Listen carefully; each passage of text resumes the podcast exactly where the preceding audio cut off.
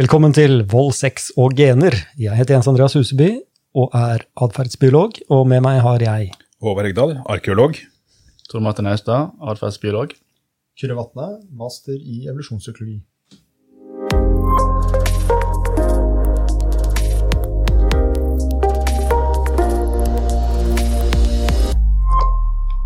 Yes, i dag eh, har vi et eh, brennhett eh, tema.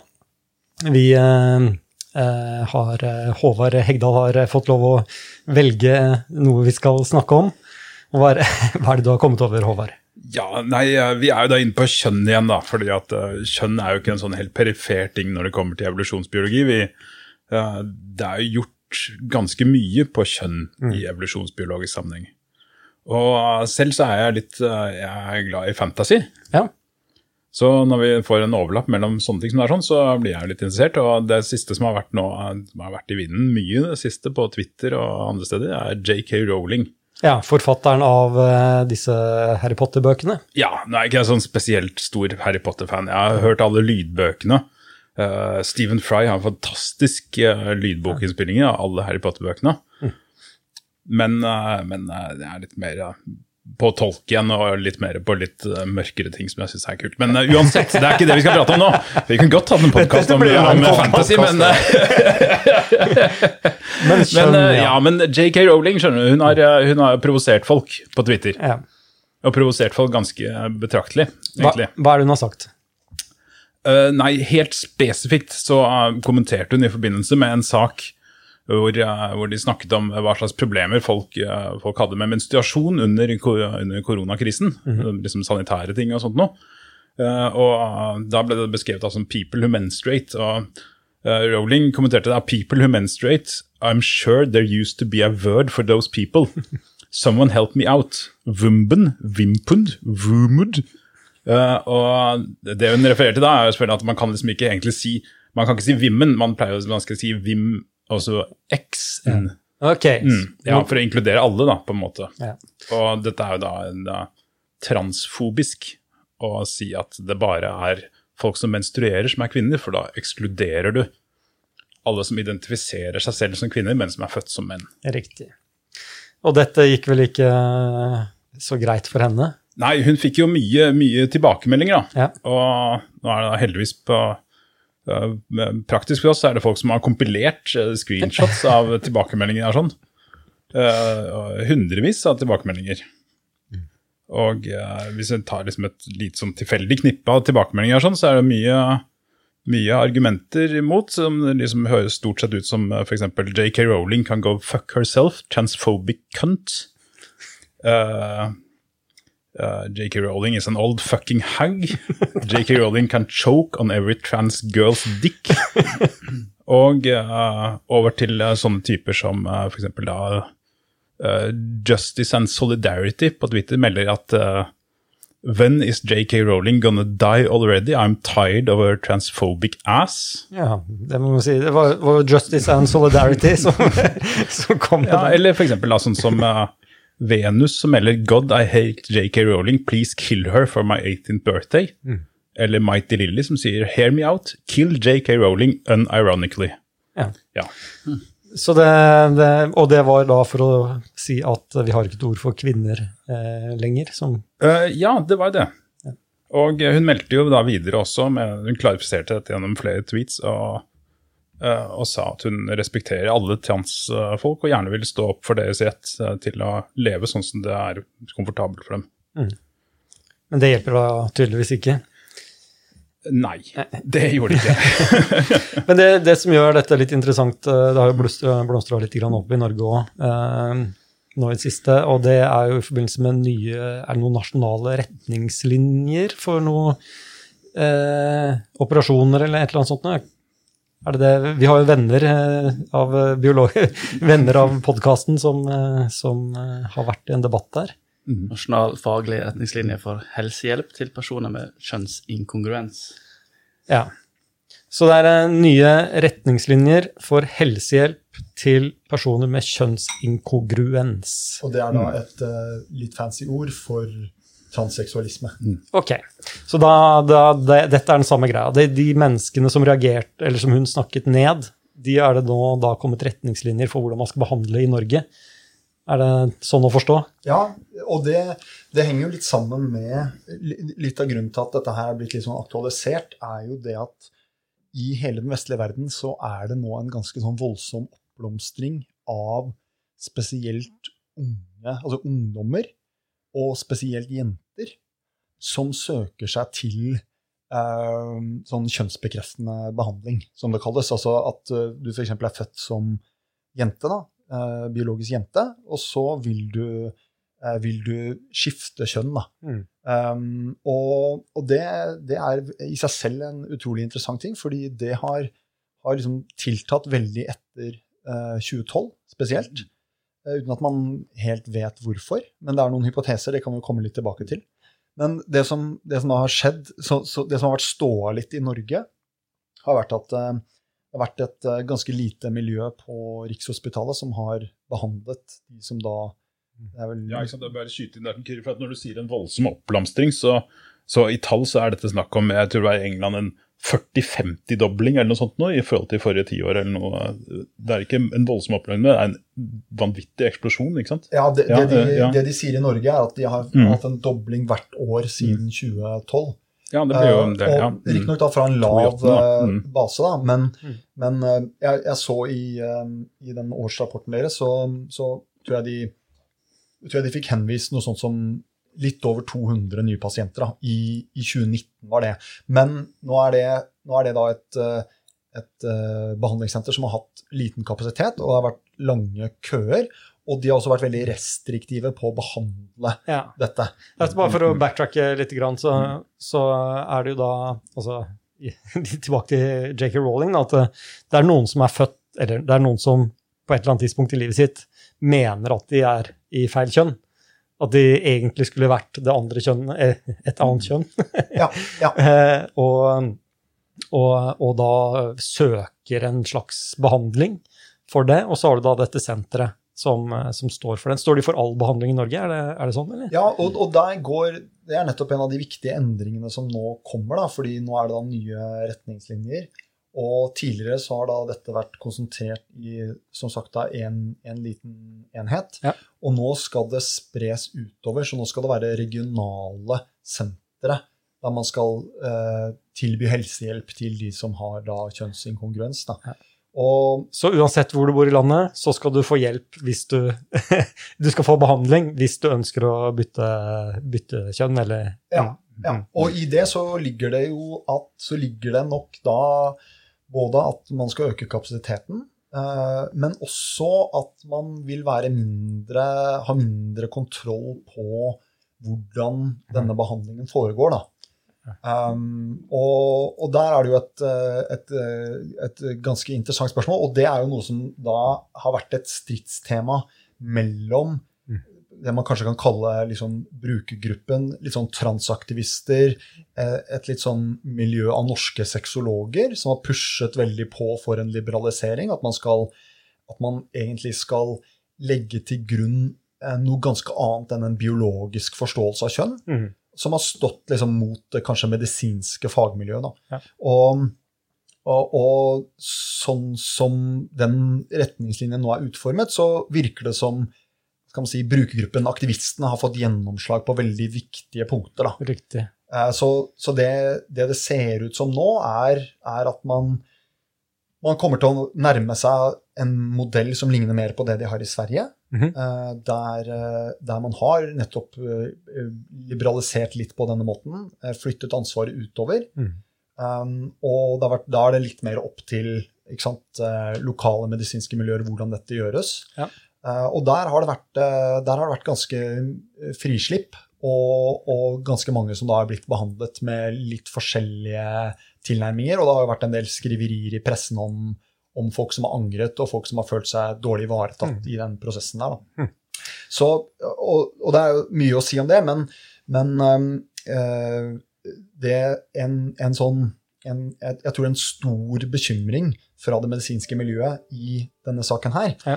Er at det er veldig lite evidens for denne behandlingen. mm. uh, I betydningen uh, om, om den har den ønskede effekten på uh, på livene til de som. Da. Så, Yes.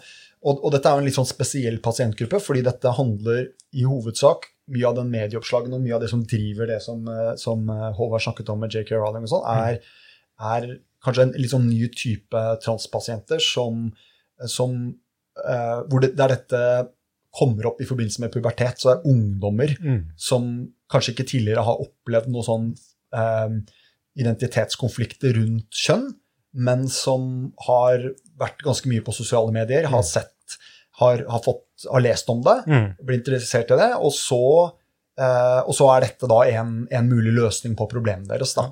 Eh, så dette er, en, dette er på en måte en, en litt sånn ny pasientgruppe, nesten ikke forsket på i det hele tatt, Mm. og så er disse tiltakene man da setter dem på, hormonbehandling og kirurgi og sånn, eh, veldig, veldig dramatiske, og de er unge, og så eh, er det da lite evidens, og da er jo masse medisinske dilemmaer rundt det, og det, det er jo et, for, for oss med en mer sånn biologisk tilnærming, så kan man kanskje si at dette her representerer et ganske sånn klart byks vekk fra en slags sånn biologisk forståelse av kjønn, og til en, over til en, en forståelse der kjønn er et spekter, det er veldig bevegelig, det er flytende, det kan lettere defineres.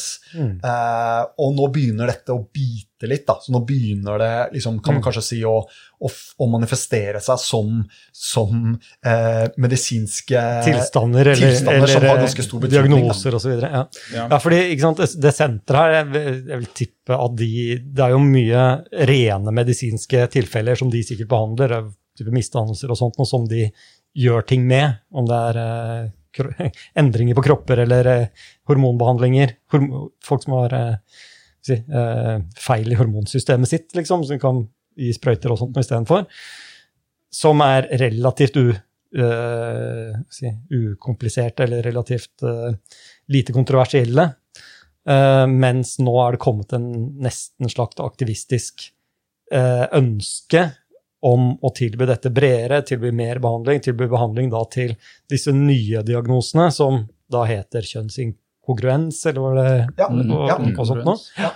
Så, så vi har, vi har, det er flere som ber om det, det er flere som ber om det på et annet grunnlag, og, vi, og retningslinjen da ønsker å åpne opp for at man skal kunne få det lettere og på flere, i flere deler av landet. Ikke sant? Ja. For at det, du har jo liksom på en måte, det er på en måte noe av konteksten her, er at du har noe som egentlig er et medisinsk og eller psykologisk problem, Mm. uh, men som er eh, eh, hvor du har en uh, som er tatt ut av en gruppe og, og blitt ekstremt politisert. Så du har dermed en utrolig betent verdisituasjon omkring dette her sånn. Mm. Og hvor, du, hvor det er en brukergruppe som er ekstremt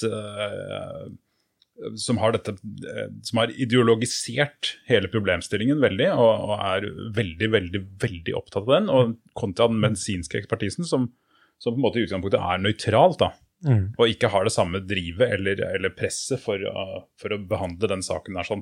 Ja, så det er, og det er jo veldig sterke følelser her, det hørte vi jo på, på Ja, disse mm. tweetene.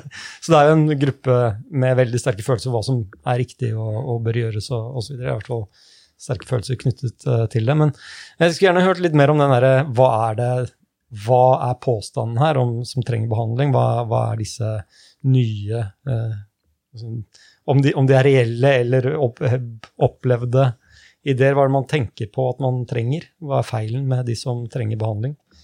Nei, og det, det er jo i seg selv eh, et ganske omtvistet spørsmål. Mm. Fordi um, det er jo Tradisjonelt så har det vært sånn at det, har vært en, det har alltid vært noen barn som har eh, rapportert om kjønnsinkongruens. Som har fra de er små, føler at de er Nei, men ok, jeg, jeg er egentlig jeg er født gutt, men jeg er jente. Mm. Og som føler det stabilt gjennom livet. da. Og, og det, det har vært, jeg, Så vidt jeg forsto, så, så er det, det dette Nasjonalt behandlingssenter for uh, kjønnsinkongruens de, de har hatt liksom sånn, Før 2012 så hadde det liksom fem eller ti eh, pasienter hvert år. liksom. Ja. En liten nisjeproblemstilling. Um, og, og nå er det mye flere. og- Men, men uh, ifølge hun som er da overlege på dette senteret, så i en artikkel hun skrev i Aftenposten, så sier hun at uh, to av tre som kommer til dem, har alvorlige uh, psykiske lidelser. Mm. Um, og, og det er spørsmålet ikke sant, er hva er hva der? Mm. Og, og så er det jo kombinert med at de gjerne vil ha behandling raskt.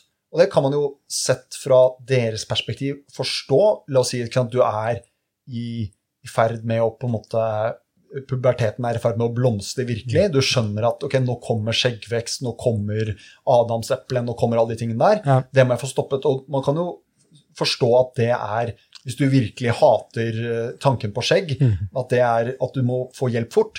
Samtidig så er jo det noe de på dette nasjonale behandlingssenteret har lagt vekt på at man skal ha stabilitet over tid. ikke sant? Ja. Og så skal det også være sånne ting som at du f.eks. skal leve ett år som den, den kjønnsidentiteten du søker deg til, da, uten at du på forhånd har fått kjønnsbekreftende behandling. Så de, Ja, de i dette Det er senteret, de ja, men det inn ikke sant? Men, det, er jo, er på en måte fra en sånn hva skal man si, eh, eh, føre-var-tankegang som alle Ja, ja. leger Mm. har i Ja. jernbarken, så er det liksom eh, så, så er det, gir det full mening. Mm. Men, men der er det en stor konflikt, da, fordi, fordi eh, transaktivistene de føler at altså liksom Pasientforeningen og sånne ting, de føler at eh, det at de nå i disse nye retningslinjene så slipper de en psykiatrisk utredning. ja. Eh, og det, Det er jo ganske stigmatiserende å få en psykiatrisk utredning, selvfølgelig. Og det tar lang tid, og det er, ja, det er slitsomt, rett og slett. Det Og, det, ikke sant? og det, det, det er jo noe med at eh, det, det føles som at å ja, men er det, tror du at vi har en diagnose? Det er ikke det, er ikke det Nei, ikke vi sant, egentlig har. ja. Og der har jo selvfølgelig psykiatrien en historikk med at eh, homofile var en diagnose og Mm. bla, bla, bla. Men, men eh, her er det jo Dette er jo ekstremt eh, vanskelige ting, da. Eh, så, så, så man man, kan jo som, som på en måte utenforstående, så, så blir man jo bekymret for at den aktivismen eh, kjører over eh, de Mm. legevitenskapelige hensynene som i, i, helt upartiske eh, leger bare legger Ja, fordi det, Ja, det, er jo, det, er jo, det er jo noen prinsipper under hva som skal til for å få behandling, eller for en lege skal gi behandling. De, de følger jo noen eh, etiske eh, retningslinjer som, eh, som dette er litt i strid med, eh, så vidt jeg skjønner. Eh, do no harm, eller altså Hvis kroppen funker, så skal du i hvert fall ikke ødelegge. Du skal aldri gjøre det verre for noen. Eh, og, og dette med dette med å vite hva man gjør. altså Skal du gjøre et inngrep, så skal du også ha evidens på at det fører til en bedring. da. Mm. Høres, høringsutkastet til- fra Helsedirektoratet var jo at eh, kjønnsbekreftende behandling defineres som eh, nødvendig helse, eh, helsehjelp, men eh, det står jo i lovverket at eh, eh, det kreves at pasienten må ha forventet nytte av behandlingen, Mm. og at eh, ressursbruken skal stå i rimelig forhold til eh, forventet nytte. Ja. Og det er ikke belag for. Nei, og, og Folkehelseinstituttet sier jo da at eh, i, i sine kommentarer til det at, eh, at dette bør dette er Her er det så lite evidens at den eneste forsvarlige måten å organisere dette på, er som en vitenskapelig studie. Ja. Eh, og, og da er det jo helt andre krav til informert samtykke og sånn. Eh, og, og da eh, så, så for, Og det, er- det, det sier litt sitt om på en måte evidenssituasjonen. Da, at man har en, De kaller det en utprøvende behandling. Men dette her, er, dette her er ganske rått, da, fordi det er, ikke sant, det er et høringsutkast. altså et, Det er forslag til nye retningslinjer som er ute, og så har du da sendt den sendt de er den ikke ut. vedtatt ennå, er de det? Nei, de- er er vedtatt, de er vedtatt. Flott, Og, og, Mm. og, og, og det virker som om f.eks. alt det eh, Folkehelseinstituttet har kommet med, er nesten blitt satt til side. Ja, og det er jo ganske altså, Jeg vil stoppe litt der, fordi Folkehelseinstituttet, som da har liksom styrt Norge siden koronaen kom Det fagekspertisen der Ja, det- kommer med ganske De har jo ignorert mye av koronarådene til Folkehelseinstituttet. Ja, Jo. ja. Men, men ikke sant? Det, det fagmiljøet som plutselig ble løfta opp på nivå med Erna, Mm.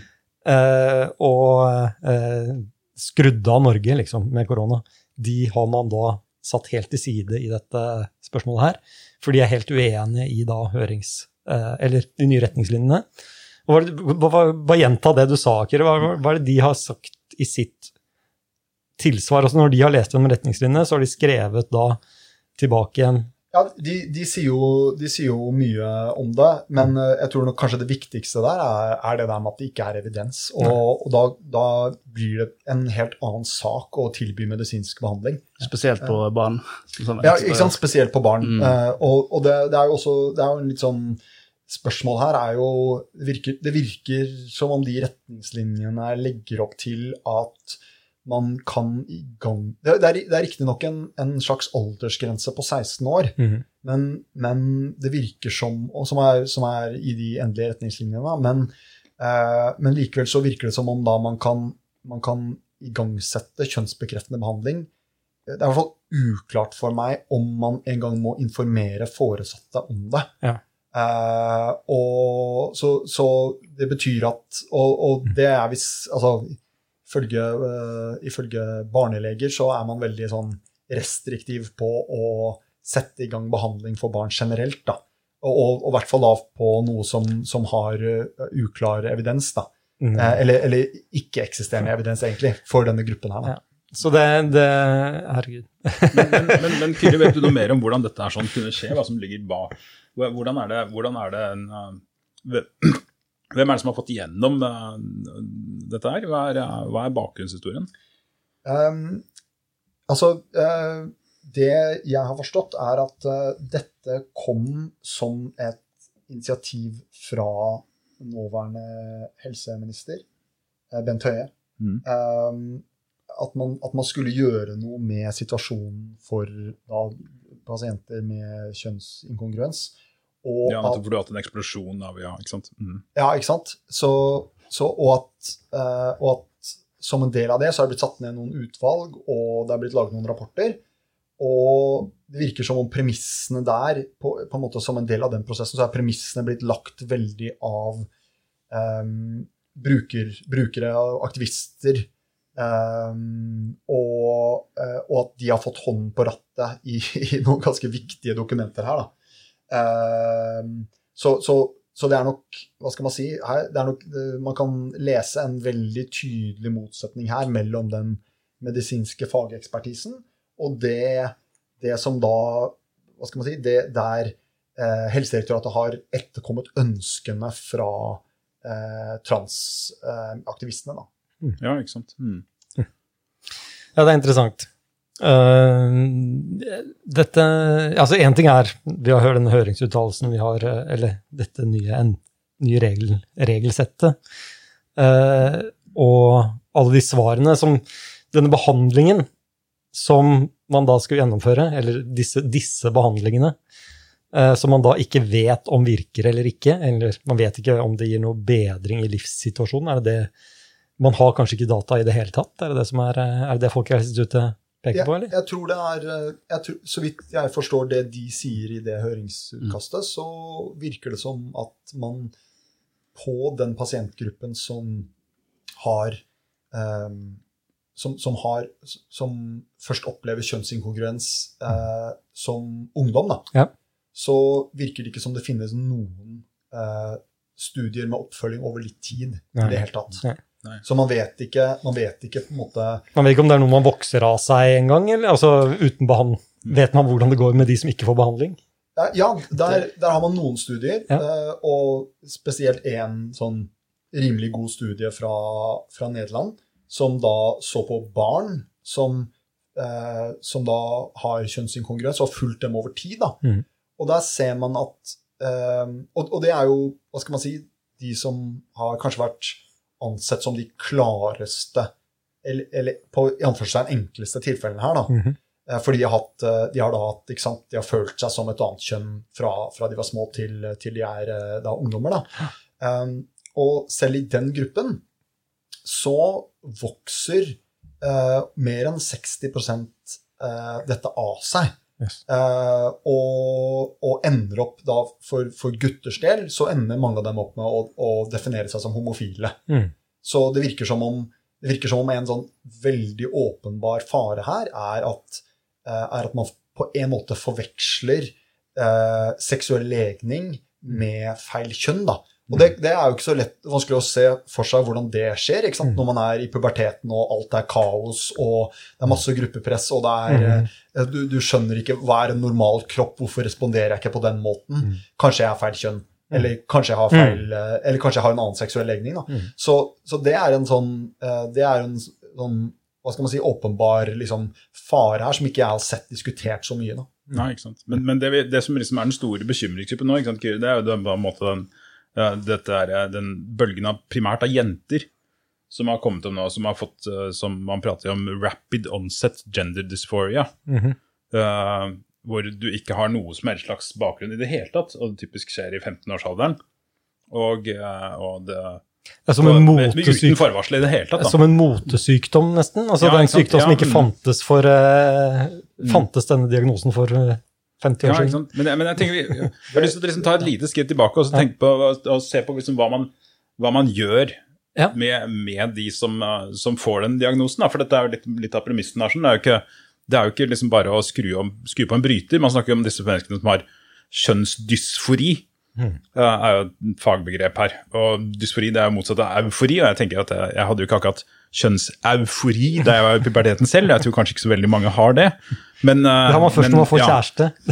Men, men, ikke sant? men, dette er, men, men, men, men behandlingen for dette her, det er jo ikke det er jo, Vi snakker jo ikke om en, om, en, eh, om en pille og gå hjem og sove. Det er liksom, det er jo ikke noe Behandlingen her er, er jo ekstremt omfattende. Og ofte uh, ikke reversibel. Nei, ikke sant? Nei, og, ja.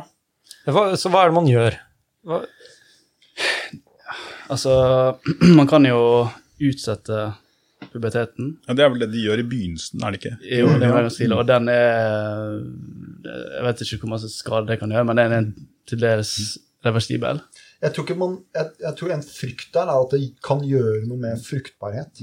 Og at man ikke helt vet uh, så mye om den Ja, effekten. ja. Ja, Jeg vil jo tro det er ja, mm. bieffekter, Mm. sikkert. Og det har, ja, det har visst også um, Du kan få hjerteproblemer av det, av hormonbehandlingen. Og, Ja, men da, da er det hormonbehandling. Da Ja. tilfører du eh, hormonbehandling, og den er litt mindre irreversibel, og Ja, det kan ja. få sånn ja, ja, mm, mm. helsekonsekvenser. ja, men Ja, pubertetsblokkerne er jo forresten det er visst også samme medisinene som man bruker til, uh, uh, til, å, til kjemisk kastrering av kriminelle. En sånn Fun fact. Fun fact her, ja. Mm, ja, ja. og det er jo uetisk, så det holder. Og så har jo du kirurgi, da, Mm. og fjerne kjønnsorgan og, og brystet, og da er det litt mer komplisert og litt mer alvorlig. Jeg syns det er litt interessant å se litt nærmere på eksakt hvordan det foregår, da. Ja, Hvordan, fordi det, der gjør det jo, men, men først for å bare ta hormonbehandlingen hormonbehandling først, og det er jo, det er jo ehm, Man gjør jo hormonbehandling av både menn og kvinner allerede. Eh, for eksempel kvinner som har vært gjennom overgangsalderen, får jo østrogen ofte. Og menn som har lav, naturlig lavt testosteronnivå, kan få ekstra testosteron. Men de medikamentene har ganske store bivirkninger. Mm. Um, og det, er, det øker f.eks. risikoen for en del sykdommer. Uh, så vidt jeg har forstått, ganske Mm, vesentlig. Mm. Um, så, uh, så, så, så det er jo enormt potente eh, medikamenter. Eh, så, så det, og det igjen sant, med, med barn, så er det jo i hvert fall eh, Bør man definitivt være, ha et liksom føre-var-tilnærming, da. Um, Ja, absolutt. Altså, med, med tanke på at det, det, vi mangler eh, oppfølgingsstudie på det, er der vi faktisk prøver på det. Og eh, longitudinelle, altså studier over, over lengre tidsperiode, er det ikke gjort, det er vel mangel på det også. Um, og så er langtidseffekten av hormonell behandling. Alt det der er ganske, de er ganske blanke på. hvordan, hvordan, hvordan hjelper det å utsette puberteten? Er det, sånn, er det for å gi lengre tid til å ta valget? Jeg tror jeg det er inntrykk at det er ja, poenget. for at Når først puberteten er i gang, så er det litt vanskeligere å Ja. snu. Den er ikke så reversibel. Dere kjøper tid. Man kjøper seg tid. Ja. Men det er, visst, det er jo da en overveldende majoritet av de som går på den behandlingen, som går videre til, uh, til hormoner og kirurgi, sånn jeg skjønner det. Ja.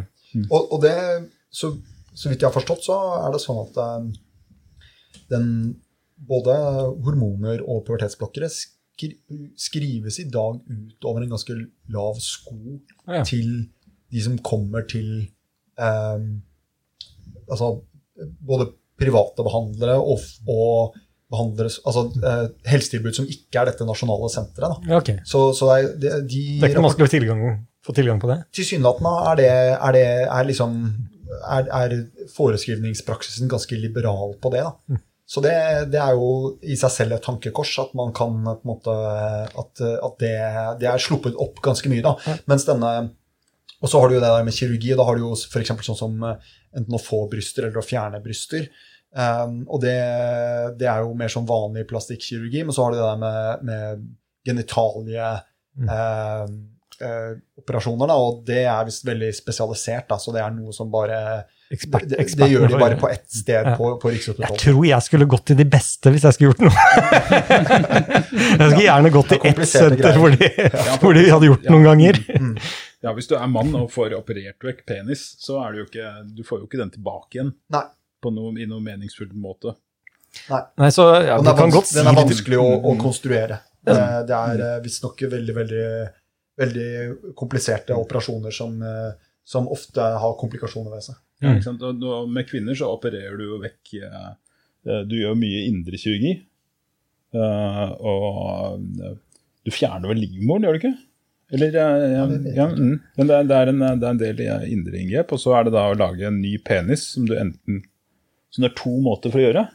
Ja, da kan du enten, kan du enten gjøre en, lage en slags sånn kunstig penis av hud som du henter fra andre steder på kroppen. Eh, F.eks. armen eller låret eller lysken.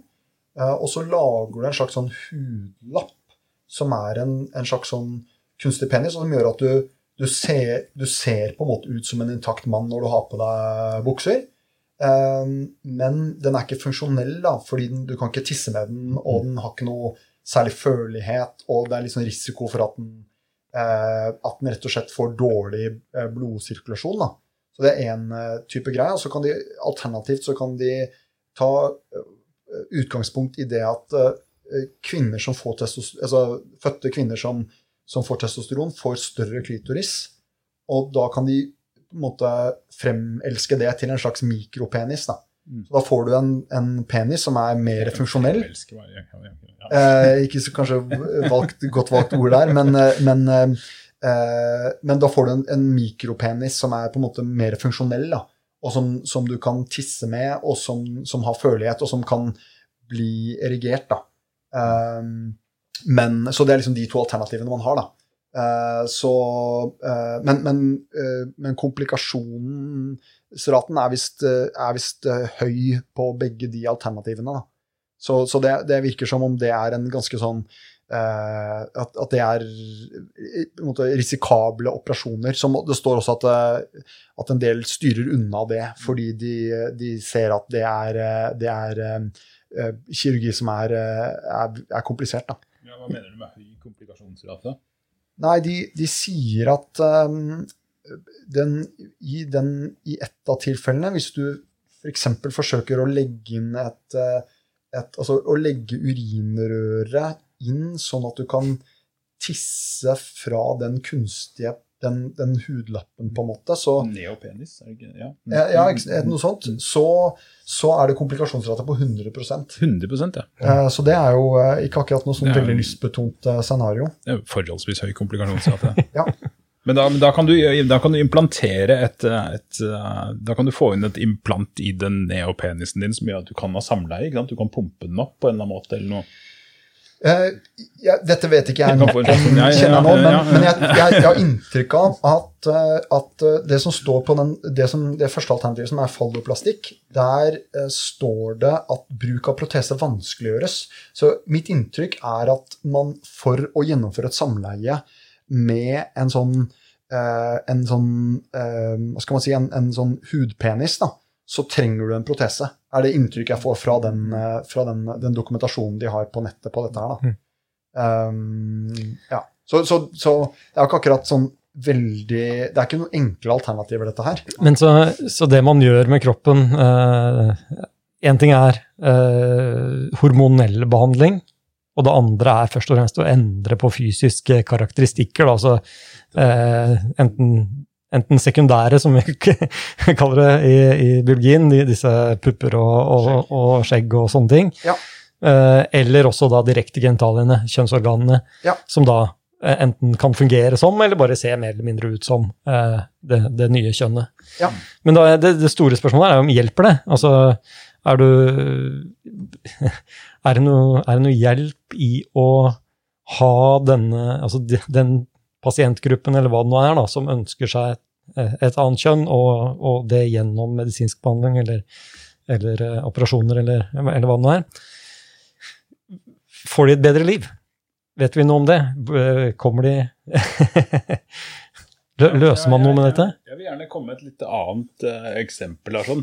Ja. For at, eh, det finnes jo en, en helt annen lidelse som heter som forkortes eh, BIID, Body Skal vi si eh, Body Identification Identity Disorder. Ok.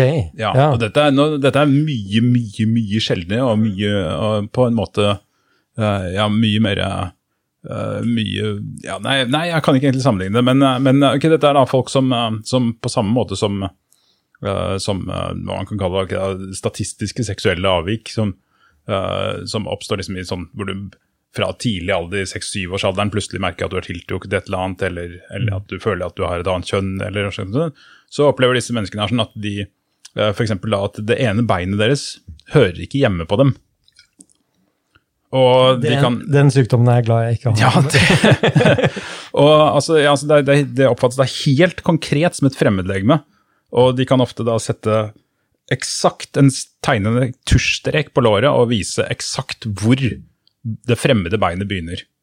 Så de mener det er en del av kroppen deres som da Som ikke, ikke er en hører hjemme på kroppen deres. Så det er noe, noe feil med eh, den såkalte propriosepsjonen. Ja, ja, ja. Mm. Og, og dette er, er så plagsomt at de opplever liksom å ikke få sove, at de har problemer med å sovne hver eneste natt. For de må legge seg med noens annen Er, Ja. er det noen annens bein, eller? Ja, nei, nei, at det bare, de, det bare hører ikke hjemme Ja. på dem, da.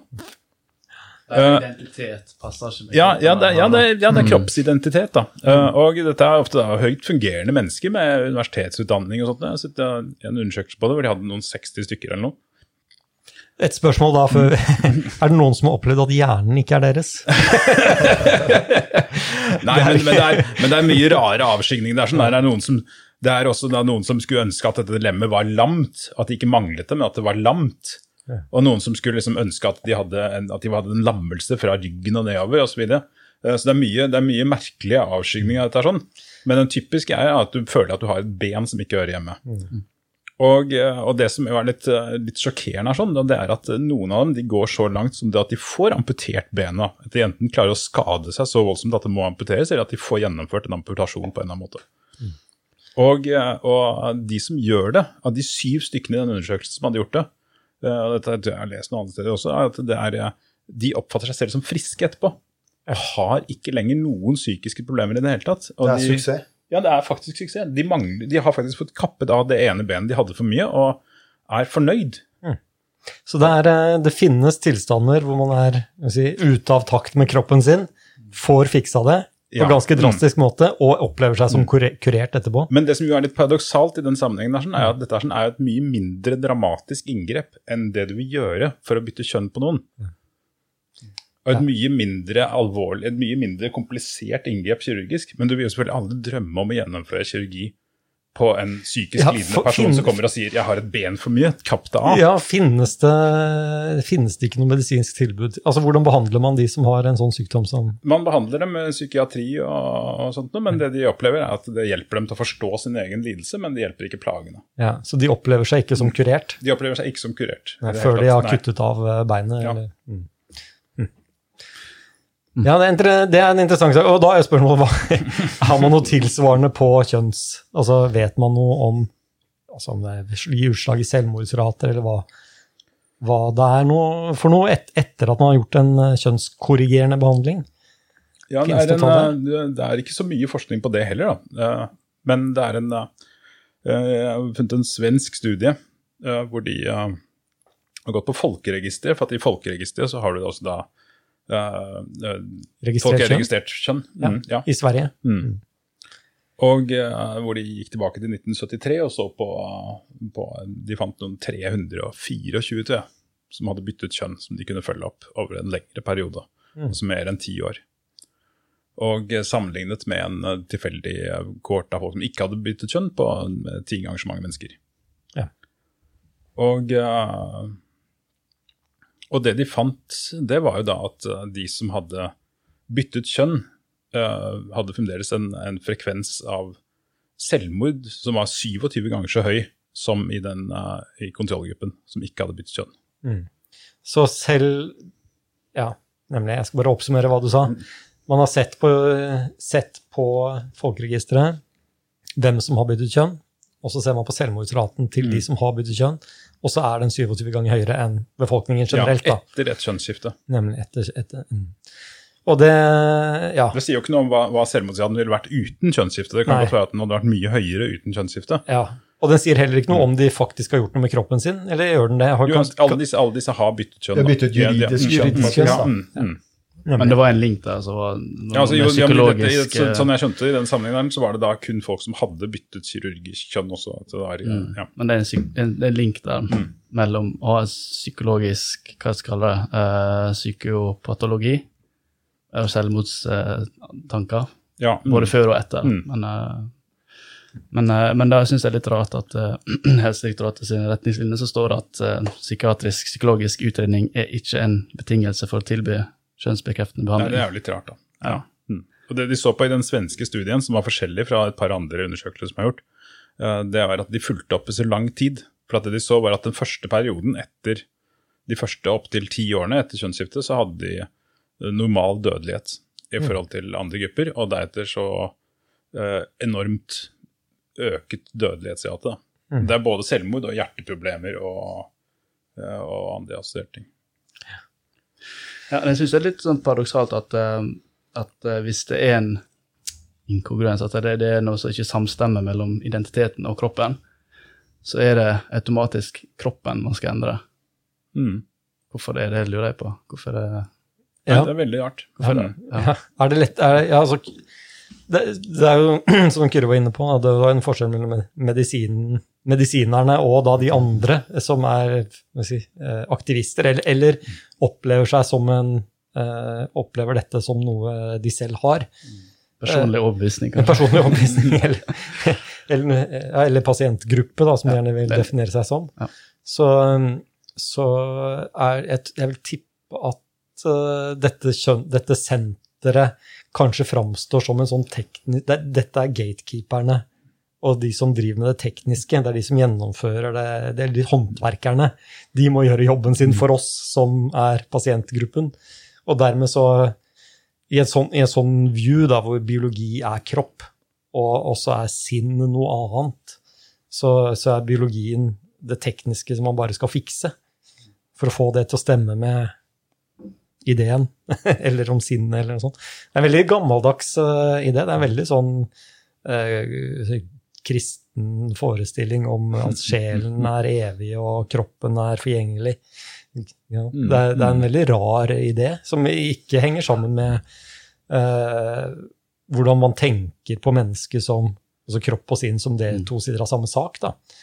Og det er, det er jo et sånt paradoks her, fordi det er jo en idé her om at man har en kjønnsidentitet som er avskilt fra kroppen, og så skal man bytte kroppen for å få det til å stemme, og så samtidig skal alt være glidende, og, og så kan man likevel fikse biologien. Eh, Mm. Og Hvis det var tilfellet, så er jo det mindre inngripende og, og, og sosialt konstruktivt eh, konst, eh, Hva heter det? Konstruere sosial skjønn ja, eh, istedenfor å endre på det biologiske. ja, Hvis det var tilfelle at det gikk faktisk an at kjønn skjønn var bare en sosial konstruksjon. nemlig. Mm. Og og da kommer vi opp et annet spørsmål da, som er interessant, da, er, og det er jo om det i det hele tatt er mulig. altså kunne man, så vi, vi, vi eh, med vår bakgrunn er jo veldig tydelige på at biologiske kjønn finnes, og kjønn, kjønn er eh, ganske diskrete kategorier. Da. Eh, og det er to, i utgangspunktet, hovedsakelig, i all hovedsak, to kjønn. Uh, og så finnes det selvfølgelig avvik fra de, men de, de, de er jo avvik. Uh, ikke en sånn negativ, fordømmende måte, men det er jo avvik fra det som er hovedtrenden. Så, så spørsmålet er om det i det hele tatt er mulig å skifte kjønn. og bare, bare en liten, sånn kommentar fra sidelinjen der, fordi så altså, det er noe som heter Store eh, medisinske leksikon, som ligger under Store norske leksikon. Ja. Og de har en artikkel om kjønnsdysfori, som er skrevet av eh, Jannicke van der Roos og Espen Ester Pirelli Benestad, som er jo en, en kjent transaktivist. Mm. Um, og, og der er deres eh, artikkel der de snakker om kjønnsdysfori. Så første setning er kjønnsdysfori er ubehag ved at kjønnsorgan og egen opplevelse av kjønnsidentitet ikke samsvarer. Ja. Og kanskje er det et lite spor, fordi spørsmålet er jo liksom om, om hvis man liksom skulle Eller man kan spørre om er kjønn eh, grunt eller dypt? Er det, er det, en, er det en mer sånn overflateting, eller er det noe som går mye dypere i oss? Mm.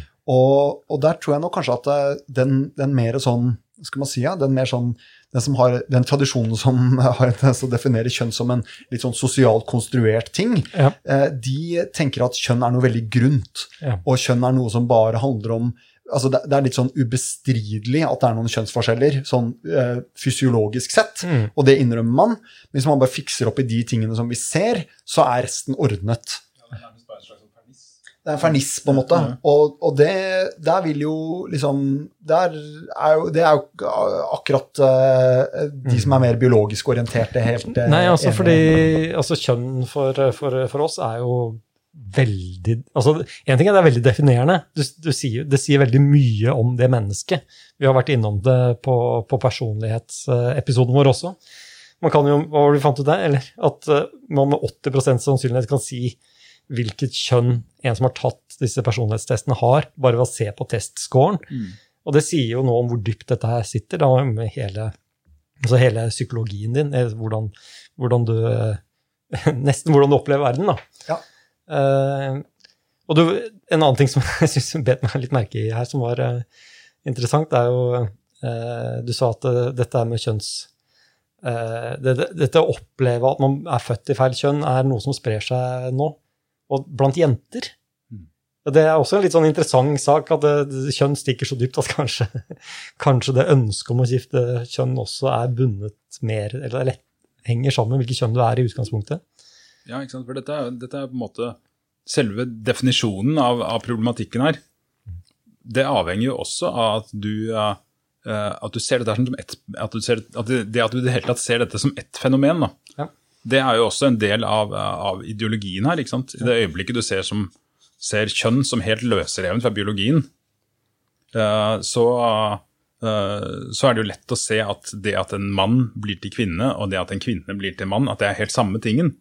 For at kjønn er jo likevel bare en flytende, eh, en, en åndelig ting som er løsrevet fra den, den, den manipula manipulerbare kroppen. ikke sant? Ja, men, men hvis man da begynner å ta hensyn til at, at menn og kvinner faktisk har forskjellige hjerner, og at det er kognitive forskjeller, under dette, så trenger jo ikke dette lenger være det samme.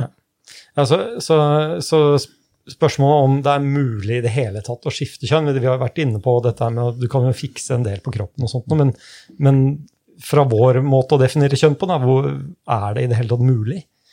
Uh, Det skjer jo veldig masse allerede i fosterutviklinga, Ja. som uh, bestemmer hvilket kjønn og kjønnsidentitet får. Om det er eh, hjernestruktur eller det er eh, gener, hormoner eh, du utsetter deg for, eller fosteret blir utsatt for, Mm. så, så er veldig masse satt veldig tidlig, før fødsel og rett etter. Ja, for du, du, er jo født med en, født med en genetisk oppskrift, eh, som i hovedsak er i, i en av to kategorier. Eh, og den gir et du, du går, Kroppen din går gjennom et, et program for å bygges, som, som starter fra, fra før du blir født. Så nevnte du jo dette med pubertetsutsettelse også. Da kommer det en ny runde med omdanning av kroppen som, som påvirker deg i en eller annen retning. Så hvis man skulle tatt et voksent menneske og flytte fra det ene kjønnet til det andre, så, så måtte man jo reversert alle de prosessene. Og selv da vil du ikke kunne Du kan ikke bytte ut alle genene i alle cellene i kroppen og kjønnscellene. Og, og hjernestruktur. Og hjernestrukturen. Mm. Du må jo bygge opp vedkommende på nytt. da. Altså, Bare tenke veldig høyt. Skulle man gjort det, så måtte man ta celler fra eh, vedkommende. Eh, gått inn og tukla med, eh, med genomet. Og fjernet et Y-kromosom, eventuelt eh, eh, og satt inn et X-kromosom til. Mm. Eller eh, fjerna et X-kromosom og satt inn et Y-kromosom. Og så poda det til et nytt menneske. Da kunne du fått et nytt eh, kjønn på det så å si identiske mennesket. Men det hadde jo blitt et nytt menneske. Ja, og du, du, ja, du måtte jo, som du sier, som du, sier, du, ja, du måtte jo også, også gjort noe med hjerneutviklingen. da. Ja. Med at hjernen er jo maskulinisert, eller ikke på et tidlig tidspunkt i fosterutviklingen. Men jeg kunne Mm. jo tatt en av dine celler, fått det tilbake igjen til å bli en stamcelle, eller et eller annet sånt, og, fått, og bytta ut Ja. og satt inn et X-kromosom til, og så fått et nytt barn til å vokse opp som hadde blitt det kunne du gjort. Det kunne gjort. Ja, du kunne, du kunne lagd en kvinnelig klon Ja. Varda. Ja, mm, ja mm, det kunne du gjort. Det hadde jo fungert. Så det hadde fungert. Ja, mm. Men det hadde jo ikke vært deg. Nei, det hadde ikke. Nei. Mm. Men, eh, men for en mann så er jo Y-kromosomet til stede i alle. Celler i kroppen.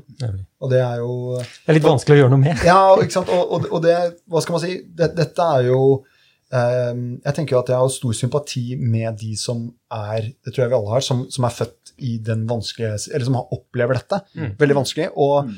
men, men jeg tror i hvert fall at det er liksom det, man, det, som, det jeg ser som en liksom fare her, er jo det at eh, hvis man hvis man tenker, som, som da eh, de sier her, liksom, at kjønnsdysfori er at liksom, du ser på kjønnsorganet ditt, så tenker du dette er feil.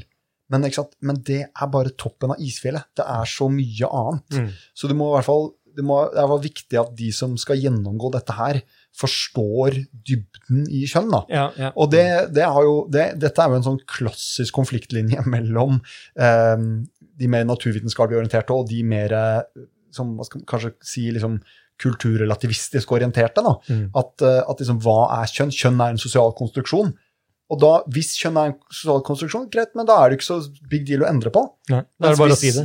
Da er det, bare, da er det på en nesten måte bare å si det. Men, men hvis kjønn, kjønn er faktisk en konstituerende ved oss, Mm. så kan man jo likevel selvfølgelig prøve å endre utseendet til noe man er mer komfortabel med. Men, men man må iallfall ikke tenke at det er dermed fikset eh, så enkelt, da.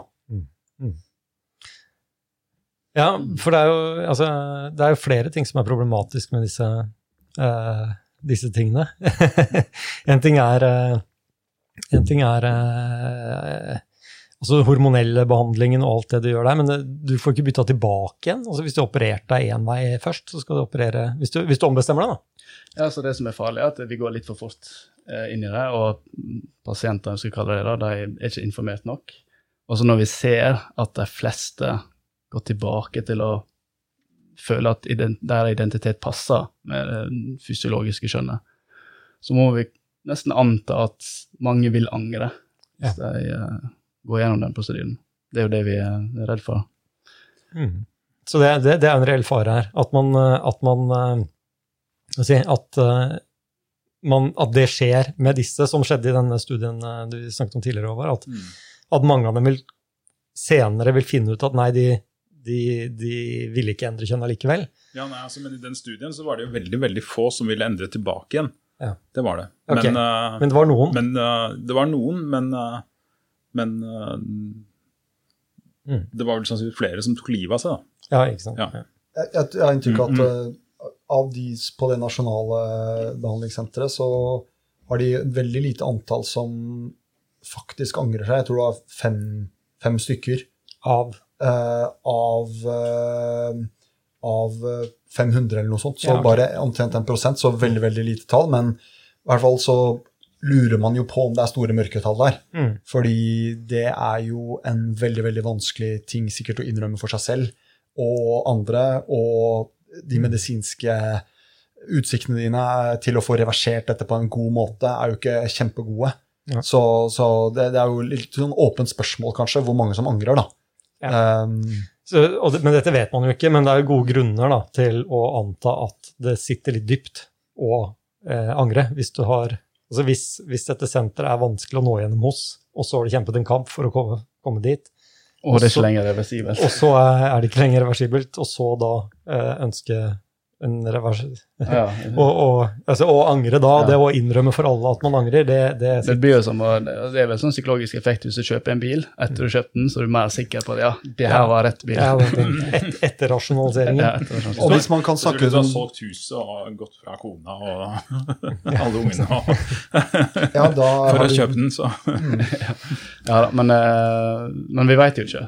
Og hvis det er så få som angrer, så kan vi tenke at å ja, det er jo kanskje det er jo lovende sted, eller, men vi må jo være litt mer Men det er, det er, jo gjort, det er jo et studium som, uh, som har touchet inn på dette her sånn med gruppepress, og Mm. som kanskje gir noe pekepinn om hvordan, Ja, hvor lett det er å gå er jo- tilbake på sånne ting. Da. det er jo skjedd en enorm eh, økning, som vi nevnte. Mm. Spesielt med eh, På engelsk heter det jo adolescent uh, onset gender dysphoria, at det er veldig mange eh, ungdommer som plutselig føler at de har den dysforien.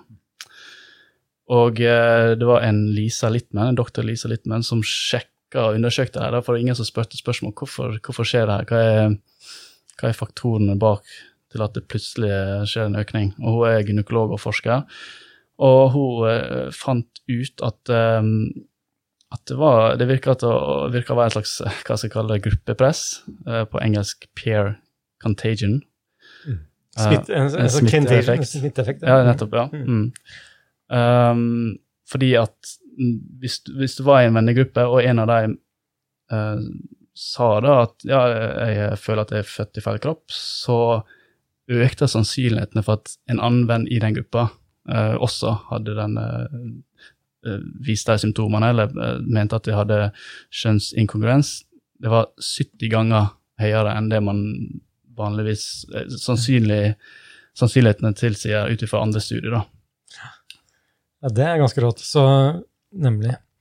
Og det, dette var basert på, på intervjuer med Ja. foreldrene, var det ikke det? Stemmer, og der fikk hun, hun fikk jo veldig eh, masse kritikk eh, for å være eh, transfob. Og det skulle, aktivister skulle gi henne sparken, og var, så var det uh, Psychology Today som uh, gikk gjennom studiene og kritiserte at det, metodikken var, var feila med å, å spørre foreldrene, for, som de mente var trans, Transfobe. transfobe. Ja, ja. Mens, mens det, jeg tror sp- spurte foreldrene, da, var 80% var i hvert fall eh, LGBT-positive. da. Mm. Ja. Så det stemmer jo ikke. Men hun fikk i hvert fall massiv blowback. Men det var i hvert fall veldig interessant. at det, det var en av grunnene, at uh, sosiale s- gruppepress, eller uh, den smittsomheten, men også uh, sosiale medier, ikke Ja. minst. For du sa at det skjedde i 2012. Uh, Mm, den økningen. Ja, så det også var en faktor som hun så på som kunne være en, eh, en årsak til uh, Det er veldig, veldig ensidig, og oppfordra til, eh, til det på en veldig lav terskel at uh, sånne der ikke ak aktuelle symptomer er plutselig et tegn på at ja, du har helt sikkert uh, transinkongruens. For, for det finnes selvfølgelig mye informasjon om dette på sosiale medier. Masse videoer og blogger og sånne ting som er lett å finne. Ja. Og ja, ikke nødvendigvis eh, vitenskapelig basert. Så Ja, men det, var vel, det var vel over uh, 80-85% eller noe sånt nå, de undersøkelsene som, uh, hvor foreldrene mente at de hadde enten venner som var uh, som hadde transisjonert, eller, uh, eller at de var uh, på sosiale medier. Uh, at de var påvirket av det ene eller det andre, eller begge deler. Mm. Så det kan det være årsaken. det var også primært jenter, da. Men 80 Stemmer. jenter eller noe sånt. Da, Stemmer, de som de hadde undersøkt. un- Ja, det har i hvert fall snudd Ja. fullstendig reversert. Ja. Før var det eh, gutter som Mm. eh, eh, ma- var majoriteten, men nå har det skifta til jenter. Og det, ja, man kan jo spekulere, men uh, altså med det gruppeinnflytelse og gruppepress er jo jenter er jo mer uh, påvirka eh, av det. Mer sosiale og har flere venninner og er eh, Ja, spesielt på det med kroppsfiksering, om det er spiseforstyrrelser eller andre ting, så er det jenter som er mest utsatt. da. Ja, ikke sant? jo- Så, sånn sett kan du se en interessant dynamikk der, sånn, at, at det kanskje er mange eh, eh, transkvinner, eller altså trans, mannlige, trans, eh, forhenværende mannlige transaktivister, som, eh, som går i bæsjen for, eh, for aktivismen er og kanskje er mest aggressive i, eh, i debatten, mens, eh, mens de drar med seg da en bølge av jenter som, eh, som møter dette sånn på internett, og ofte kanskje det ser det som en som en greie når de selv føler seg usikre, føler at de ikke vil ha bryster, eller at, eh, at det er ting som de leser er symptomer på, på at de er transkjønnede. Sant? Og, og det, der med, det der med smitte er jo, eh, er jo noe som hun, hun skriver om det i den artikkelen, at det er kjent fra spiseforstyrrelser. Eh, og så er det jo så er det visstnok også kjent fra, fra sånn selvskading og sånn. Og så har du de der, NRK hadde jo en sånn der greie med sånn selvmordssmitte, på en måte. At det er liksom nettverk av spesielt jenter som, som driver og snakker hverandre ned. sånn der, eh, eh, eh, liksom Oppfordrer hverandre til å begå selvmord, og ingen bryr seg om det. og sånn. Eh, Så, så det der er jo potensielt en ganske potent greie. og det, et, En ting jeg bet meg merke i, var at jeg tror det bare var noe sånn som 3% av respondentene sa at deres barn var den første i vennegruppen som hadde eh, kommet ut av skapet som trans, eller som, som en med kjønnsinkongruens. Som andre ord, de, de, det var veldig veldig mye vanligere å være nummer to, eller tre, eller fire, eller femte. da. Og det var en ganske substansiell andel fortsatt på liksom fjerde og femte. da. Så det, dette er da foreldre som, som observerer at uh, i en vennegruppe så kommer den ene først og sier at eh, ja, men jeg er fakt, tror jeg faktisk er trans. Mm. Og så er det nummer to, og så er kanskje da datteren din nummer tre da, Mm. eh, som sier det. Og det, da skal man jo ikke ha levd så lenge før man begynner å fatte litt mistanke Om til at det der er eh, En den fad. beste veien å gå. Ja. Ja, nei, nei, ja, når jeg ser Ja, den undersøkelsen, det, er en skikkelig can of verbs, den undersøkelsen. Jeg skjønner at folk ble, ble opphissa av det, for at det er en del sånne ting sånn som at uh, når de Det er mange som, som hvor, hvor de ikke har noe, foreldrene ikke har noe som helst slags forvarsel i det hele tatt. At det liksom er fra nærmest den ene uka til den andre. At det jeg oppfatter at barnet deres ikke har hatt noe som helst tegn til å ha et annet kjønn i det hele tatt. Og så fra den ene uka til den andre så kommer de da ut som trans og vil ha kjønnsskiftebehandling. Og, og så mange som rapporterer at, de, at det barnet sier er nærmest en, en blåkopi av ting de kan lese på internett. Eh, At de bare ramser opp formuleringer som de kan finne selv på internett. ikke sant? Dette er jo ikke, Dette det er jo ikke godt å høre for foreldre. Men ja, så altså vi, vi, har sa, vi sa veldig tidlig at det er, lite, det er lite forskning på det her. Er dette liksom altså denne Litman og, og eh, altså de andre tingene vi har trukket fram her, er det, er det liksom det man har? Eller er det, er ja, Litman, er, er den studien eh, en del av en større eh, si, større fagmiljø hvor dette er én av tusen, eller noe sånt, eller er dette det man, det man vet? jeg, jeg, jeg tror at eh, der er det en forskjell mellom, eh, mellom det som er da early onset, altså de som, de som får dette som barn, og late onset, de som får det som, eh, som ungdommer. Ja. Uh, og at eh, det forstås som to kvalitativt ulike fenomener. Mm. Og at uh, den forskningen på det siste er liksom på en måte det mest relevante nå, Ja. og at der er det veldig, veldig skrint. Uh, at der er det nesten ikke forskning. Mm. Og, og Lippmann er liksom ett eksempel, men at, eh, at det er veldig, veldig få studier som, som lar seg generalisere også til den pasientpopulasjonen. da. For det kan være ting som er på, som er på sånn som f.eks. den svenske studien som eh, Håvard eh, nevnte. Den er jo da ikke spesifikt på denne gruppen, ikke sant? Nei. Så det er ikke sikkert at, de, at det gjelder for dem. Nei. Så, så det virker som man er i et helt sånn fullstendig vakuum sånn informasjonsmessig. Mm. Eh, og, og det, det Ja, ikke sant? Og, Ja. Det er jo det Folkehelseinstituttet pekte på, da, at Ja. man vet så lite om uh, Ja, Den om- svenske studien er også fra 2011, da, så den er før uh, Cecilia Deine et al. Ja. Er det. Det er, så den er også før den, der, før den bølgen av eh, rapid onset gender dysphoria-jenter som har kommet nå i de siste årene.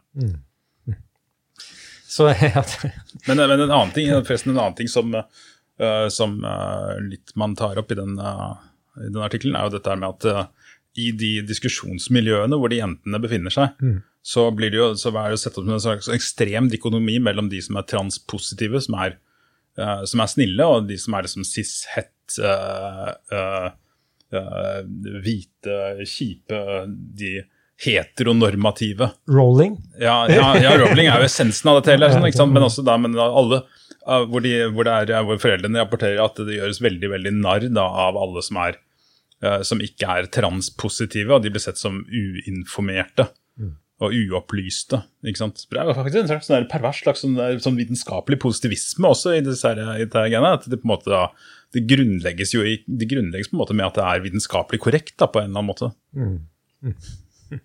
Jeg hadde forresten akkurat en diskusjon på Facebook med to folk fra Kunsthøgskolen i Oslo.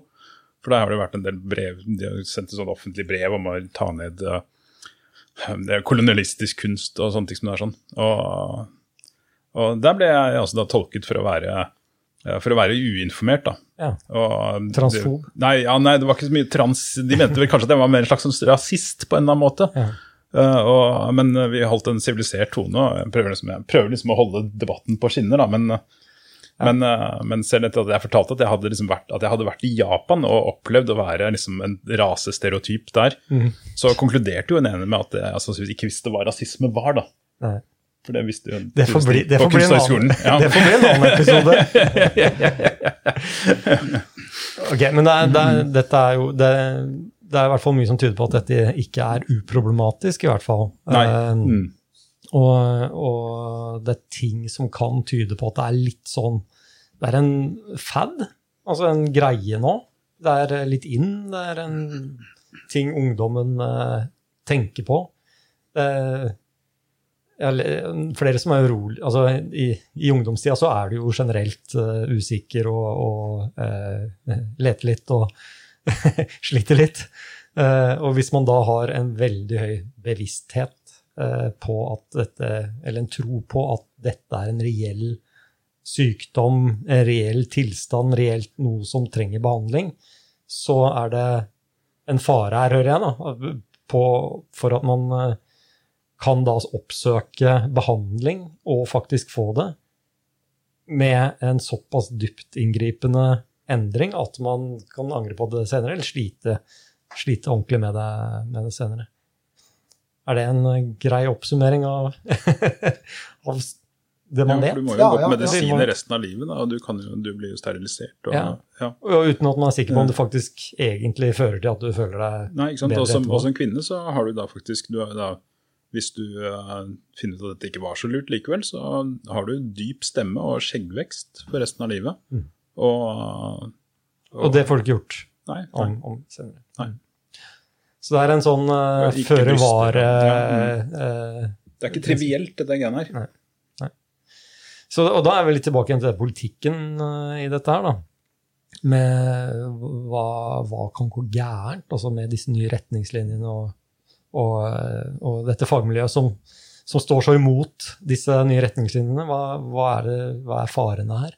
Ikke for individet, men liksom på, på nasjonalt nivå. Hva, er, hva som kan gå gærent? Man har vel prøvd noe tilsvarende før?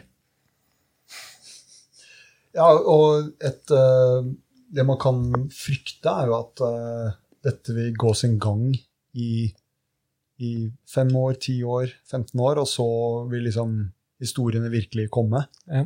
Eh, og så vil man ha en, en på en måte ikke kjempemange mennesker, men eh, ganske mange mennesker som kanskje er blitt møtt på en måte møtt på det de ga uttrykk for at de ville, Mm. men der det kliniske skjønnet og der eh, den innebygde konservatismen i positiv forstand som, som legevitenskapen har, ikke ble eh, gitt nok vekt, og at man endte opp med å egentlig eh, gjøre dem en stor bjørnetjeneste. Og det, det hviler jo på de fagfolkene som, eh, som skal gjøre dette i dag. Ja. At de må De kan ikke liksom Det er jo strid jo imot all legeetikk å liksom kaste seg ut i sånne ting uten å ha god evidens Altså, for det. le, leger, Eh, leger, må jo, leger eh, er jo i dag avhengig av å velge hvem de skal behandle og ikke behandle. De gjør ganske harde, tøffe valg. De har en begrenset mengde tid og ressurser, og, og sånt, og så er det noen, noen behandlinger de må gi, og noen behandlinger man ikke kan gi, fordi det er for skal si, Det er ikke regningssvarende hva det koster, og hva gevinsten er. Ja? Og Som du sa før vi begynte her, Kyrre, så du hadde et veldig godt eksempel med dette med at eh, man kan jo ikke sette vaksiner på barna sine uten at foreldrene har, eh, gir, gir tillatelse til det. Og her så har man altså da plutselig en retningslinje som åpner for at man skal kunne bytte kjønn på barna uten å engang informere foreldrene om det. Mm. Og dette er jo Altså, hvis du ser det i sammenheng, så er det jo galskap. Ja, Man må jo kunne si det. det henger ikke på, henger ikke greit på Nei, ikke sant? Nei. Men, så, men det, er, en- det er da en reell fare her da for at noen får denne behandlingen, vokser opp, angrer seg, og så eh, saksøker eh, staten slash legene som gjennomførte det. Ja, ikke sant? For at vi, vi vet jo at det er mange tilfeller av det. De som, eh, de som jobber som, eh, som aktivister på den motsatte siden, registrerer jo veldig mange som, er, eh, som ønsker å gå tilbake igjen. Og det, med den siste bølgen av, eh, av kjønnsinkongruens, rapid onset-gjengen, så eh, er det jo ingenting som tyder på at det kommer til å bli færre. Nei, Det så, kommer jo til å bli veldig veldig mye flere som, eh, som opplever det. så det kommer til å komme, altså nesten uansett, da, altså hvis vi med de nye retningslinjene, så, så vet man at noen i hvert fall vil angre seg. Ja, sannsynligvis veldig mange, da. Fordi at som sagt, altså, det, det, tallet fra den mest, den mest troverdige gruppen, da, som Kyris her, var jo over 60 Mm. Så i den nye gruppen, Så, som da ikke angrer Ja. seg, men faktisk vokser seg ut av det. ja, som vokser seg ut av det. Mm. Så mange av de som kan, med de nye retningslinjene, kan komme til å få behandling, kan, vil sannsynligvis komme til å angre seg. Og hva gjør de da? De må jo da eh, få eh, reversert det på en eller annen måte, noe som er vanskelig eller umulig, og, og det, er, de er et nytt problem. Eh, og hvem er ansvarlig for, for, det, for dette? Og, og, og det, det som kompliserer alt dette litt òg, er jo det at eh, sånn som, sånn som både den JK Rowling-saken viser, og den Litman-studien Hvis man klikker seg på den Litman-studien, så, så den jo, har det jo vært en sånn derre ikke akkurat en retraction, den ble vel trukket tilbake og så ble den posta på nytt, men da er det jo bare haugevis med forbehold. Og, og det er sånne forbehold som er sånn eh, Som bare ser ut til å være sånn derre eh, det er liksom litt sånn juridisk tekst som bare er for å, for å måte dekke seg. Det, er- det, er- her har det vært mye påtrykk fra noen som, som har gått gjennom med lupe for å prøve å finne den minste feil. Ja. Og, og det betyr at ikke sant, det, det å forske på disse tingene her er jo forbundet med stor fare, sånn profesjonelt sett. da. Eh, fordi du kan fort eh, og, og heldigvis så er det jo ikke så mye sånn i Norge ennå, men, men vi har jo eksempler fra andre pasientgrupper der, der Og det, det, jeg tror egentlig også at det har gjort seg gjeldende her med, med de som har vært dette miljøet på, på Rikshospitalet som har behandlet disse barna. De har stått i en ganske stri storm mm, eh, vis-à-vis eh, brukergruppen. Ja. Eh, det har vært mye konflikter der. og og, og der har man jo et annet eksempel fra ME-miljøet. Bare skyte inn hvis, hvis jeg skulle hatt sånn behandling, og da tror jeg jeg skulle vært veldig god venn med de legene som skal gjennomføre det. Jeg tror ikke jeg ville jeg tror, jeg tror ikke jeg ville liksom jeg si, vært den som holdt på å ødelegge Og tagge ned bilen Ja, eller uh, ja, av, avslutte uh, Si fra til arbeidsgiveren deres om at den beste kirurgen skal vekk, eller noe sånt. Nei, bare, Nei, da var jeg veldig tilhenger av, av merotokrati, altså den som er god, eh, å beholde jobben. ja, så, men, men når, når, da folk eh, Så, så den Littman-saken som et eksempel, og kan du si også at eh, disse nye retningslinjene også er et eksempel på at nå er dette blitt veldig eh, politisert. Ja. Og da Det er jo ikke gode betingelser for, eh, for god forskning. Nei. Fordi det, hvis det er noe forskere styrer unna, så er det jo kontroversiell forskning. fordi da får du ikke funding, du, du blir med en gang svertet på kanskje litt sånn tynt grunnlag i andre i kollegers øyne, og det, det har vi sett mange eksempler på. Igjen kanskje i hovedsak fra USA, men den er jo, de knappene er jo ganske lett å trykke på. Ja. Og da blir det jo i hvert fall ikke noe kvalitetskunnskap om dette her. Og da blir det en sånn negativ sirkel, da, hvor, man kanskje, hvor man kanskje ikke kan vise til, fordi man har ikke studiene, man kan ikke vise til at eh, kjønnsbekreftende behandling er negativt, Mm. men man kan heller ikke, som er den mer åpenbare tingen, vise til at det har en positiv effekt. Mm, Fordi, fordi de studiene eh, da rett og slett kanskje ikke gjøres, da, eller at folk skremmes vekk. Så fordi aktivistene, eller fordi følelsene står så høyt i dette her, så, og, og de som står på det ene synet, er så eh, si, brutale i sine metoder, eh, så hemmer det en mer en nyanserende utforsking av effekten av det. Ja. Mm. Så det er, ja. ja, ikke sant. Det, det mener jeg i hvert fall i Det, det det, er et viktig poeng, tenker jeg, for, overfor lytterne våre også, at eh, det vi har snakket om her, er det som er publisert, liksom. Det, det er ikke noe sånn at vi sier at det ikke går, eller ja, det er helt umulig, eller sånt. Det kan jo, hvis dette funker, hvis noen har dette problemet, og det viser seg å virke, hvorfor, hvorfor ikke, liksom? Nei, mm. Men, men problemet er jo da Man har jo ikke studiene.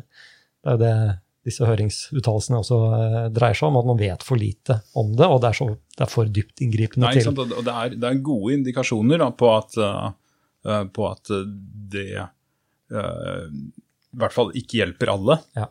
Helt tydelig. Og det er også gode indikasjoner på at veldig mange av de som søker den formen for behandling nå, er, uh, er uh, ungdommer som mest trolig vil, vil leve opp og bli Og- og, og, vokse det av seg. Mm. Selv om det høres litt banalt ut. Men, Mm. og kan risikere å befinne seg i en situasjon hvor de har kroppen egentlig ganske ødelagt av kirurgi og hormonbehandling Ja. For resten av livet. Og av de som da står for dette senteret nå, som, som da står ansvarlig for behandlingene, de, det er jo de som eventuelt blir saksøkt da, når, når, alt kommer til alt. Det er ikke, det er ikke aktivistene Mm. eh, som blir saksøkt. Nei, nei. De, de, de, eh, jeg de har kjempet på det de mente var den gode side, og, og det er det. Ja. Er så enkelt eh, og så vanskelig kan det være. Vi har vel vært, eh, det har jo vært, jeg husker På hjernevask så var det noen eksempler på sånne kropps... Eller på, på, på eh, eh, i, en, I en tid hvor man trodde kjønn var eh, noe man bare kunne eh, bytte ut, og, og hvor det var et eksempel på eh, et barn som var født Eller var det to barn? Ett barn? Barn som var født uten, eh, uten at man var sikker på hvilket kjønn det tilhørte, og så bare bestemte man seg for at det skulle være ett av kjønnene, og, og vedkommende vokste da opp som jente, var det vel? Ja. Mm. Og, og fikk da korrigert kroppen sin til å se ut som jente, og foreldrene ble instruert til å omtale og behandle vedkommende som jente, og først i voksen alder eh, fikk, eh, fikk denne gutten, da må man kunne si nå, eh, kjempeproblemer. Så det er flere sånne, det er masse eksempler på at ting kan gå ordentlig gærent, og man ødelegger liv eh, her. Absolutt.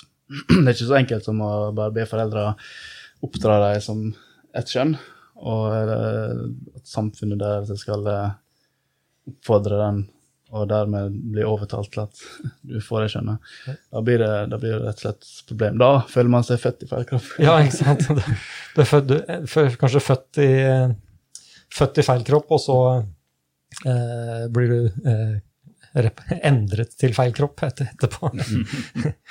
ok, jeg tenker vi skal av, avslutte med en liten runde rundt bordet, hvor uh, dere, skal få lov å, dere skal få lov til å gi deres høringsuttalelse.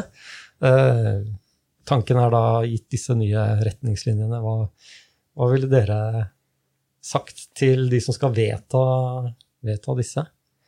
Og nå, nå er jeg ganske brutal, så nå må dere tenke fort. Dere får to sekunder på å tenke. Hva, hva ville dere sagt til eh, de som skal vedta disse, eller har vedtatt disse retningslinjene? Hva, hva ville dere gitt som feedback til dem? Jeg, jeg tror at jeg ville Jeg tror kanskje jeg ville lagt vekt på, på det derre gamle Det går vel tilbake til Hippokrates, gjør det ikke det? Ja? Det med 'first do no harm'. ja. Eh, at det, det er Det må være Kanskje virker som et av de viktigste prinsippene i medisinen. Mm.